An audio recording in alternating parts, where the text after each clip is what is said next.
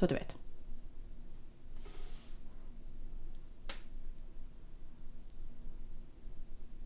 Hej Tess! Hej Caroline! Välkomna alla härliga lyssnare till denna poddafton. Mm. Vad fint du gungar. Visst gör jag? Ja. Jag gungar lite på höften här. Skönt. Eh, nej men eh, jag tänkte fråga dig. Eh, vi hade ju en ganska intensiv konversation idag. För det hände någonting med dig idag. Är det någonting som du känner att vi kan göra ett avsnitt av? Ja, det tror jag att jag Mm. klarar av. Ja. Eh, det hände något med mig idag. Ja, det gjorde det faktiskt. ja, inget allvarligt. Therese ska fortsätta leva. Hon är inte sjuk på något sätt. Eller ja, det är en definitionsfråga. Mm. Skämt åsido, det här är faktiskt inget skämt. Det är bara för att jag blir nervös och då vet inte jag vad jag ska säga. Alltså då börjar jag prata bort saker och ting. Så att nu bara lägger vi ner det och så kan du få ta över. Jag är också nervös nu när vi ska prata om det här. Mm. Det här är någonting som gör väldigt ont. Jag har gråtit idag. Jag har varit väldigt, väldigt ledsen idag. Ehm, och vi har pratat väldigt mycket. Eller väldigt mycket. Vi mässade på lunchen där och tog en promenad där vi... Ja, där du försökte stötta mig och peppa mig. Och det får jag lägga mig här och det handlar lite om när man möter kärleken och rädslan kommer och tar över och bara sköljer över en som en PMS-demon. Ja, Eller en demon. För ni som lyssnar vet ju ni vad PMS-demonen är men ni som är nya lyssnare det är när, när känslorna bara de negativa känslorna kommer och tar över när kärleken är som finast egentligen. Ja, ja det är ju där det grundar sig i det här. Hela problemet som jag har just nu. Eller det läget som jag befinner mig i. Och eh, det är väldigt känsligt att prata om det här. Jag sa till dig idag eh, när vi diskuterade att det här är nog en av mina största skamområden. Och det är det verkligen. Jag tycker det här, är- det här är jobbigt att prata om till och med med dig som känner mig så pass bra. Och som är mig så nära. Eh, men jag känner att jag behöver göra det för att komma över det.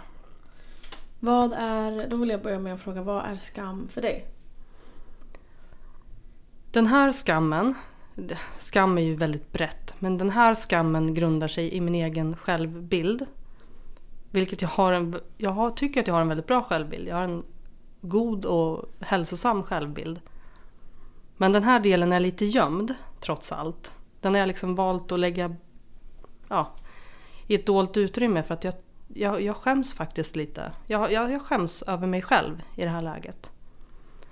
Och den skammen grundar sig nu i mycket, mycket i det fysiska och eh, det grundar sig i sig i upplevelser som jag har haft tyvärr. Men för att vi inte ska bli helt otydliga här så, så är det så här. Jag tänker vara helt öppen och ärlig för jag behöver det just nu. Jag har träffat någon som jag är sjukt jävla kär i. Och jag har jobbat de här, det är ett par månader vi har setts, eh, med rädslan i att släppa in någon igen. För många av er lyssnare har ju säkert lyssnat på avsnitten Osynlig misshandel. Eh, och efter den relationen har jag haft väldigt svårt att släppa in någon helt. Det är inte så att jag är blyg och instängd men just det här att släppa in någon helt och fullt har varit jäkligt svårt och tufft för mig. Och i det här läget då så handlar det faktiskt om det sexuella. Jag kan börja med att säga att jag har haft relationer efter den ja, relationen som inte var så himla bra, den eh, destruktiva relationen. Där det har slutat med att jag får panik under en sexakt eller när någon tar på mig för att jag får panikkänslor och mår illa och vill kräkas. Jag, alltså den här yttersta paniken där man tror att man ska dö. Liksom. Man vill bara lägga sig ner och kräkas. Och så har de relationerna tagit slut. Och det här var en terapeut som sa till mig, hon sa så här att det är inte så konstigt för att när du förlorar kontrollen över något och hamnar i något nytt så är det sista du har, det är din egen fysiska, fysiska kropp. Och det blir ditt fort. Om någon då närmar sig det här fortet som du inte är beredd på så blir det taggarna utåt. Du kommer att försvara det. Och det är väldigt ofta man hamnar i det här när man har varit i en destruktiv relation där även sexet är inblandat. Att man faktiskt eh, ska säga, försvarar sitt fysiska jag. Till den grad att det inte går att träffa någon. Det, det går inte att ha en fysisk relation med någon. För att det blir den här reaktionen. Och den har jag jobbat väldigt mycket med. Det är faktiskt fem år sedan jag gick hos den här terapeuten. Och nu är jag alltså i en ny relation. En relation som jag verkligen vill ska fortsätta. Ehm, jag tror på den. Men i, i natt då så vaknade jag, jag vaknade klockan fyra och hade sån fruktansvärd ångest. Kunde inte sova.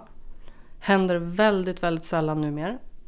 Men det gjorde så ont i mig så jag var, jag var tvungen att gå upp och bara göra någonting helt annat. Och jag försökte yoga, jag försökte meditera, jag försökte dricka kaffe.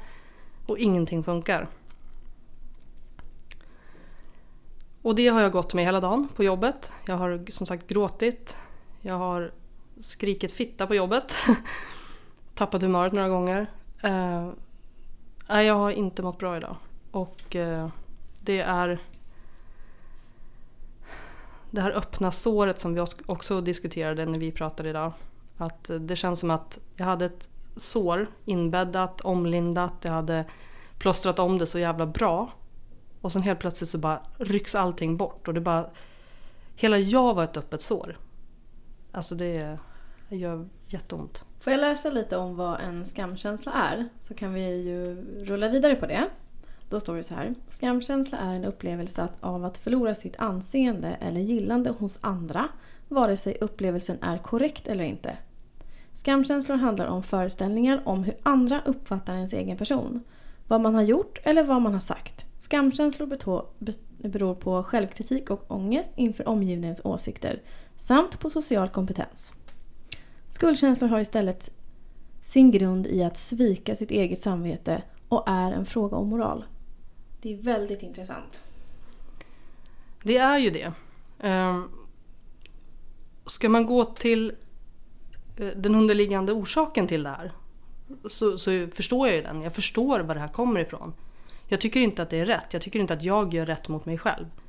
Och där ligger också en skam i att jag gör så här mot mig själv för att det är fel. Det här är inte rätt. Så varför är jag här igen? Jag vet att det här inte är rätt. Jag vet att det inte är sant. Och ändå kommer det. Och där kom det ytterligare en skam till mig. Ursäkta. Men eh, för att vara konkret så var det så att jag nästan blev nobbad igår sexuellt. Eh, och jag blev inte det. Jag blev inte ens nobbad. Men för mig var det en kommentar som fälldes som gjorde att jag kände mig nobbad. Jag kände mig att jag hade gått över någons gräns. Och den känslan är jätte, jätte, jättejobbig för mig. Och i min värld blev det ju inte en nobbning. För att i en relation så är ju både ja och nej helt, eh, vad ska man säga, i balans. Och orkar man inte eller har man ont i huvudet eller vill man inte, då är det full respekt. Medan det är så intressant hur de här två världarna skildras ju. Så det är jättemodigt av dig att prata om tycker jag. Mm. mm. Ja, för mig är det en personlig eh, nobbning. Alltså det är ja. någonting, han väljer bort mig. Ja. Medan jag ansåg att han inte alls gjorde det. Nej. Nej. Så det är väldigt personligt för mig. Ja. Och då kommer vi in på varför det är så för mig. Och det är jag också väldigt klar med. Det var så att i den här tidigare relationen jag hade, den destruktiva relationen, så var jag eh, åsidosatt. Jag var bortvald i, jag säger ett och ett halvt år, men det var ju längre tid vi inte hade sex på. Men jag vet att under ett och ett halvt år så hade vi sex en gång. Och jag ville, jag, alltså jag har alltid varit väldigt sexuell innan detta. Eh, men jag varit bortvald. Jag, han ville inte vara med mig. Han ville inte ta på mig. Hur kunde en sån situation se ut då? Jag, eh, typexempel. Mm. Jag, han stod och jobbade hemma. Jag tar på mig ett raffset. Jag har gått underklädesmodell så att jag, hade, jag har jättefina såna här kläder hemma. Tar på mig det, går ut i hallen och ställer mig framför honom. Och han tittar upp och bara Vad gör du? Jag jobbar. Alltså det gör så fruktansvärt ont i mig fortfarande idag. När jag ser den här sekvensen framför mig. Och blir så jävla nobbad när man gör sig så fin som man kan, så sexig som man kan. Går ut och bara så här, nu, nu kanske han ändå vill ha mig. Nej, det funkar inte heller. Eh, vi låg inte nära varandra i sängen, om han sov i sängen. Han... Eh, väldigt, of, väldigt, väldigt ofta var han uppe längre än mig för att slippa komma till sängen. Vad det här beror på, det är en helt annan historia. Han har sina problem. Jag, jag kan också se så här, det här har inte med mig att göra egentligen. Men faktum är att han valde bort mig för någonting annat. Han fick sin sexuella njutning på andra sätt. Jag menar inte otrohet, men det finns andra sätt att få det på. Det vet jag. Jag upptäckte det och jag har sett det. Och jag har tyvärr sett allt för mycket. Och i och med det, han, han var ju fortfarande sexuell uppenbart, men inte med mig. Under så många år. Och den känslan, den, den har gjort någonting med mig. Den har, den har fått mig till vad jag känner just idag. Ett konstant mindervärdeskomplex. Jag har, jag har inte alls samma självvärde som jag hade innan. Och jag har som sagt alltid varit sexuell. Jag har upplevt mig som väldigt nyfiken och eh, intressant. Liksom. Jag, ja, jag kan sex om jag säger så. Jag tycker det är jättehäftigt. Jag har lärt mig mycket. Jag har inte gått kurser men jag har läst väldigt mycket. Jag, vet, jag kan väldigt mycket om sex egentligen. Men jag är väldigt osäker idag. Efter det här. Och jag är framförallt väldigt osäker på min egen eh, person och kropp och prestation. För i det här kommer också en prestation. Vilket jag märkte i början av den här relationen som jag är i. Jag, jag, märkte själv att nu är jag i prestation. Varför då? Jag är här för att jag vill, han är här för att han vill, för att vi ska njuta av varandra. Och det enda jag kunde tänka på så här, undrar om han tycker att det är skönt. Det är som att jag var där för att plisa liksom. Nu, nu var det inte så till 100% men känslan och tanken kom. Och det stör mig för så har inte jag tänkt förut. Men den här situationen med mitt ex då, den har, den har gjort mig så fruktansvärt illa. Och den, jag känner det, att jag vet inte om jag kommer få tillbaks det någon gång. För det var under så pass lång tid. Och så jävla starkt och hårt liksom. Och då tänker jag i din nuvarande relation, alltså, ja, att man då... Hur, hur, eh, hur ska man komma över den här rädslan? För att eh, kunna göra samma sak igen. Och det är ju att göra det, till exempel. Att eh, göra exakt samma sak framför honom. Eh, jo, för att hjärnan då ska programmera om sig till att se att det inte är farligt och att det inte är sant längre, för det här är en ny person. Men hur skaffar man det modet att göra det och liksom blotta sig själv och sitt hjärta bokstavligen? Ja, det är ju där jag är just nu. ja. Jag har ju valt att berätta för honom. Eh, nu har vi inte hunnit prata helt och fullt men jag berättade i morse innan jag åkte. Jag kände att jag kan inte åka innan jag har sagt det här. Eh, så jag berättade för honom att jag har en jävligt dåliga upplevelser av att bli nobbad just och det tar mig jävligt hårt. Vilket han tyckte var en bagatell då det här som hände igår. Vilket jag också tycker. Det är det som är så märkligt. Jag tycker att det här som han sa, men du har ju nobbat mig en gång då. Ja, det har jag ju. Fast det blev ju inte nobbning utan då var du trött. Ja. Exempelvis. Men någonstans i mig så bara fläktes det där jävla såret upp och jag kände, jag kände mig så fruktansvärt svag och sargad. I att gå in i det där. Vet, det här med nakenhet. Jag älskar att gå naken. Jag har inga problem att visa mig naken. Nu börjar jag känna mig osäker. Ska jag göra det eller inte? Alltså, fan, jag vill ha på mig kläder jämt. Alltså det kommer, allting kommer tillbaka så jävla fort. Jag börjar, jag börjar känna skam över hela mig. Min sexuella varelse. Alltså det är... Jag vet inte om andra kan relatera men för mig är det så otroligt viktigt med den här närheten, närheten och sexet och den delen av mig som har varit så stor och stark. Den är liksom... Det är som en jävla liten flicka, en oskuld. Jag, jag blir helt tafatt. Jag vet inte riktigt. Äh, jag vet inte. Vad gör du då? Gör du, nu är det här, har det här precis hänt men gör du mot, raka motsatsen då? Gör du tvärtom? Alltså att du går naken då eller ja, vad det nu må vara. Liksom, utmanar du det? För att, för att eh, hjärnan ska förstå att det här inte är sant. Ja, när jag till exempel i början när jag insåg att jag hamnade i prestation ibland. Då var det verkligen så här, okej, okay, släpp alla tankar. Lite mindfulness-grejen liksom. Bara var här och njut med den här människan. Och sluta göm dig. Alltså sätt dig rakt upp och ner. Om jag sitter på honom, vad fan, i början var jag så fan obekväm. Jag bara, varför är jag obekväm? Det är helt sjukt. Eh, gör ändå. Fast det är fortfarande jobbigt. Jag tycker det.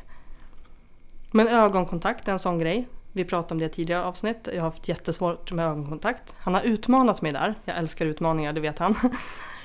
eh, och det är ju ashäftigt. Nu kan jag inte sluta titta. Det är också så här. Nej, ja. Så att det, det är klart, jag, jag jobbar ju på det hela tiden. Det var nog bara att det här kom så jävla plötsligt igår och i natt. Så att jag, jag, jag är fan i chock fortfarande. Hur samma känsla som var då för över sex år sedan kan komma tillbaka med sån styrka av en enda jävla kommentar som inte ens var en nobbning utan det var bara en liten öppning in till det där såret som bara slet bort allt. Och bara fick mig att bli den där lilla flickan igen.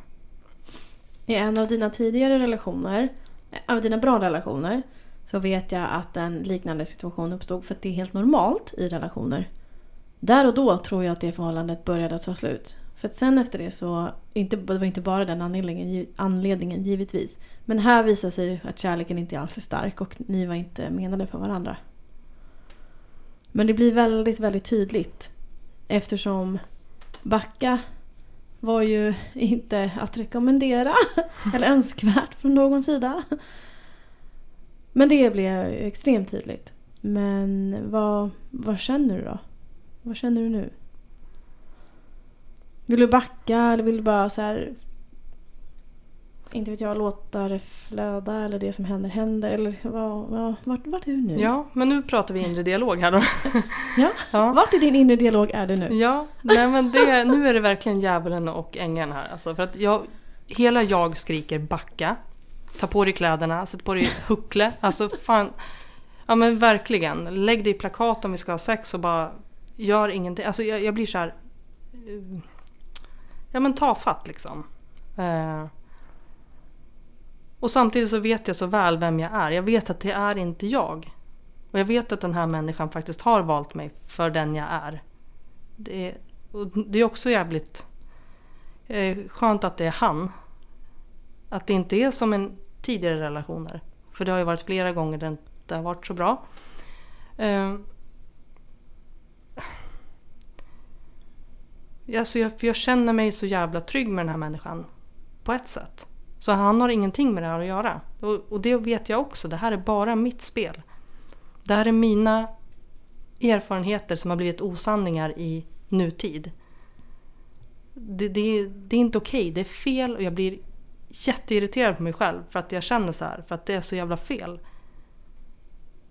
Det... Så det jag kan göra, alltså just nu, jag vill bara så åka hem till honom, jag vill bara lägga mig i hans famn och gråta. Och det kan jag inte heller göra, jag kan inte gråta. Nej men du kan åka hem till hans famn. Ja, om man vill. Det är också så här, nu, nu, är, jag, nu, nu är jag i mitt osäkra mode och då, då så här, jag vågar inte. Det, det förstör så sjukt mycket, det förstör så mycket av mig. Jag blir... Vad då för något? Vad är det som förstör? Modet. Jag, jag, jag tappar så mycket av min självkänsla. Jag tappar liksom hela min riddare. Jag, jag som är en krigare, riddare, ofta. Jag går helt utan rustning nu. Så känns det. Mentalt och känslomässigt så går jag helt naken. Och jag, jag, behöver göra det. Jag vill göra det. Men det är så sjukt jävla läskigt. Jag vill, jag vill liksom bara så här, jag vill bara vara helt jävla naken inför den här människan. Nu menar jag mentalt och känslomässigt. Ja. Jag är kåt också men inte, inte så pass. Uh, Och det är väl lite det här läskiga och så tänker jag, försöker jag så här, okej men det är en utmaning. Det är en utmaning. Och så kör, för, för då blir jag ju peppad. Samtidigt så vill jag inte att allt ska vara en utmaning. Nu kommer jag låta som en sadist. Men det finaste som man kan uppleva det är ju en människa som kommer med sitt hjärta i sin hand. Och är så fruktansvärt sårbar och bara Jag vill ingenting hellre än att ha din kärlek eller Jag vill bara ha en kram utav dig. Sen om det är rätt eller fel, det vet jag inte. Men jag försöker säga till dig att eh, det är klart att du ska åka till honom ikväll och få hans kärlek. Oavsett om det skulle vara något jävla flyktbeteende eller inte.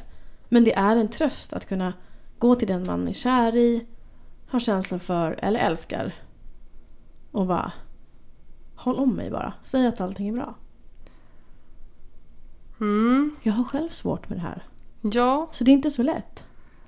Men så tänker jag, ja, jag tycker också att det är väldigt vackert. Men det är du och jag som tycker det. Tycker alla andra det? Eller tycker flera andra det? Eller det... Jag känner jättemånga. Ja. Jag har ju inte hört någon av dem alla. Alla? Jag känner. Eh, att eh, ingen har ju någonsin sagt att alltså vet du min partner bara kom hem igår och bara alltså hon var helt eller han var helt störd för att den visade sig vara sårbar och var bara så här skitledsen och ville ha min kärlek. Eh, nej, det har jag inte hört. Eller fan vad jobbig han eller hon är som gör så här med sina... Jag sa ju att jag bara var så här och så ska hon eller han göra så stor grej av det. Nej. Nej. För det är ju också en sak som var i min tidigare relation. Om jag tog upp saker som jag kände, tyckte, tänkte så var det ju kalla handen på en gång. Där finns ju också en sak som jag kan jag vet inte om jag ska säga jobba med, men i alla fall eh, reflektera över. Att det är inte heller sanning i det här läget. Men jag är inte rädd. Jag är jätte, jätterädd för att vara den jobbiga. Nu, nu har vi gjort det till ett skämt han och jag. Han säger jobbiga tjejen. För att jag har sagt att jag tycker det är liksom en av de största eh, rädslorna jag har. Att vara en jobbig jagande människa liksom. Och den är också jävligt svår. Och i det här läget så skulle jag behöva vara det. Så då, nu blir det två rädslor som möts. Jag ska dels vara öppen och sårbar. Och dels ska jag vara den här jobbiga människan som, som bara du jag känner så här, vet jag är lite ledsen nu, kan du komma kan du ge mig lite extra kärlek eller extra tid eller Ja. extra du som är... Om du redan är trött, spelar nej fan, nej men jag behöver dig. Alltså, ja, jag har så jävla svårt för det där. Men, men st- stopp och belägg här. Vad, alltså att vara jobbig är ju en värdering från din sida. Vad vet du om att din motpartner eller din partner framför dig tycker att det ens är jobbigt? Det är ju en värdering från din sida. Inte från hans sida. Nej men det ligger ju i erfarenheter. Ja. Men och det är ju inte bara relationer. Alltså, som du vet, jag har ju fått försvara mig väldigt ofta, väldigt många gånger i livet.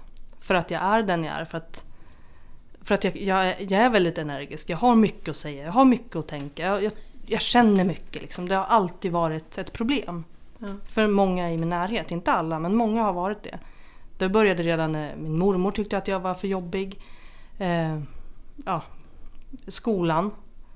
Och skolan igen. Min stora syster Och sen började relationerna. Och det är ju mer än hälften av gångerna som jag verkligen har blivit eh, uttalad som jobbig. Att jag är för mycket. Ja men vad fan, måste vi ta det här igen? Vadå igen? Eller måste du berätta det här? Ja men ta hand om dig själv. Alltså det, det är ju inte en gång. Och i det här ligger ju också det här att som vi också pratade om idag. När man är lite annorlunda, lite avvikande från mängden. Jag växte upp i en lite mindre stad. Det var verkligen mycket snack om mig, hur jag såg ut, hur jag betedde mig. Som jag sa till dig, ja, men jag var för korthårig. Varför färgar jag håret? Varför har jag de här kläderna på mig? Varför låter jag så mycket? Alltså de här frågeställningarna konstant som jag fick, fick kämpa med under hela min uppväxt. Och även i andra relationer. För det var, nu har det varit flertalet relationer där jag har gått in i en relation. Det här är någonting som jag är så jävla trött på. Jättemånga människor tycker så här, men Tess du är så jävla häftig, du är så cool, du är så rolig, du är så härlig. Man bara, men gud tack så jättemycket. Säger de det idag till mig, då vänder jag på klacken och går. För att jag vet att om en eller två månader så kommer du säga att måste du vara sådär? Kan inte du bara vara som alla andra? Nej men jag gillar egentligen naturliga tjejer med långt hår och osminkade och som inte låter så mycket. Så att det är alltid häftigt med mig i början. Det, det, det så har det alltid varit. Och det är jag så jävla trött på. Så att det, har, det är ju också en del i det här. I hela den här situationen som jag är i nu. Varje person och varje situation vi möter är ju ändå unik. Och vi brukar säga till våra lyssnare att man ska äga sina demoner, kan man ju säga. Och då vill jag säga det till dig här också att det är väl fint, eftersom du pratar om det nu så här så betyder det att du börjar gå över till kärlekens tecken och kärlekens sida på något sätt. Att du börjar äga det här och inte lägga det på motparten ju. Att eh, eh nu menar jag inte att du har gjort det och lägger det på någon annan. Det vill säga att ta ansvaret redan och utöva resultatet. Det vill säga backa. Ja men han kommer ändå tycka att jag är så jävla jobbig så jag avslutar det här nu. Jag orkar inte. jag skiter i. Eh, istället så gör du ju tvärtom och hittar modet och ställer dig bokstavligen naken framför honom och i dina tankar och din sårbarhet. Och gör tvärtom. Och äger då din personliga sida där du kallar dig själv för jobbig. Det måste... Det... Det är jättefint. Det inser jag nu. Eh, alltså, jo. för att hela den här dagen har gått och så här lät det inte i morse. Förstår du? Mm. Men nu börjar du vända på det. Jo, nej men det har jag nog. Det beslutet tog jag. Alltså det, det här var ett aktivt val jag gjorde. Mm. Rätt, det pratade vi också om det tidigt i början i den här relationen. Jag sa väldigt tidigt att jag tycker väldigt mycket om den här människan. Och i och med det så kommer jag att behöva ta de här stegen som jag inte har gjort förut. Jag, jag kommer att behöva öppna mig för att släppa in den här människan. Så det, det valet har jag gjort. Det har jag redan gjort. Så jag, där tänker jag inte backa. Eh, och rädd för att bli sårad? Nej. Jag är rädd för att inte räcka till. Det här med tillräckligheten hela tiden. Jag är rädd för att inte ja, men räcka till sexuellt eller räcka till Visuellt? Ja men visuellt, ja faktiskt. Visuellt, ja. Ja. Det också, men den här tillräckligheten. Alltså jag vill känna mig tillräcklig någon jävla gång i livet. Jag vill inte vara... Jag vill inte vara någon som man hela tiden vill förändra eller förminska. Jag är mycket. Och jag kommer att vara mycket. Den här gången kommer jag vara mycket för att jag är mycket. Och det sjuka i det här, det är att ju mer av de sakerna jag har, stegen jag har tagit, så har jag insett att den här människan inte är alls som många av de andra. Och, och det har ju också skrämt mig, det har vi också pratat om. Vad fan, han backar inte. Han har inte lämnat mig än. Det är helt sjukt. Alltså för mig är det helt sjukt. Jag är jätteförvånad över att han orkar. Och eh, han har ju sagt lite som du sa. Han sa jag tycker bara att det är fint. För det betyder att du tycker om mig. Och det är jag jättesvårt att ta in det. Det är jättehäftigt. Den här jävla klyschan, våga, måste våga för att vinna. Lite så känns det. Där har du utmaningen. Mm. Jag är jävligt glad över att han tillåter mig att vara så. Eh, och att han faktiskt ser igenom det. Liksom. Och att jag kan säga det, att det, men det är på grund av rädsla. Som jag sa idag. Ja, jag backade i natt liksom när vi låg och sov. Jag backade både fysiskt och emotionellt. Men att det inte var på grund av honom. Utan jag var tydlig med det. Jag, jag kände mig rädd och jag varit jävligt ledsen så jag backade på grund av det. Det har ingenting med det att göra. Eh, och han tar det. Det är nytt för mig. Och jättefint. Usch. Ja. Ska det bli slutorden för denna detta avsnitt? Det får det bli. Ja. Och jag har inte gråtit än. jag ska försöka få dig att gråta lite. Ja. Du måste öva lite på det tror jag. Ja, jag vill gråta. Det, det, är också en speciell känsla när man inte kan det. Det är som att känslorna stagnerar och hopar sig. Mm. Det blir ett annat avsnitt tycker jag. Och just det när man är fylld. Har du känt det någon gång när man är så fylld med tårar? Alltså från tårna. Det är som att man badar i tårar. Till och med salivet är tårar. Alltså allting är tårar. Och man bara, jag vill bara gråta. Kan jag inte få gråta? Jag kan gråta på jobbet, jag kan gråta i bilen. Men nej, ingenting kommer. Det är så speciellt. Mm. Jag undrar vad det är för blockering. Mm.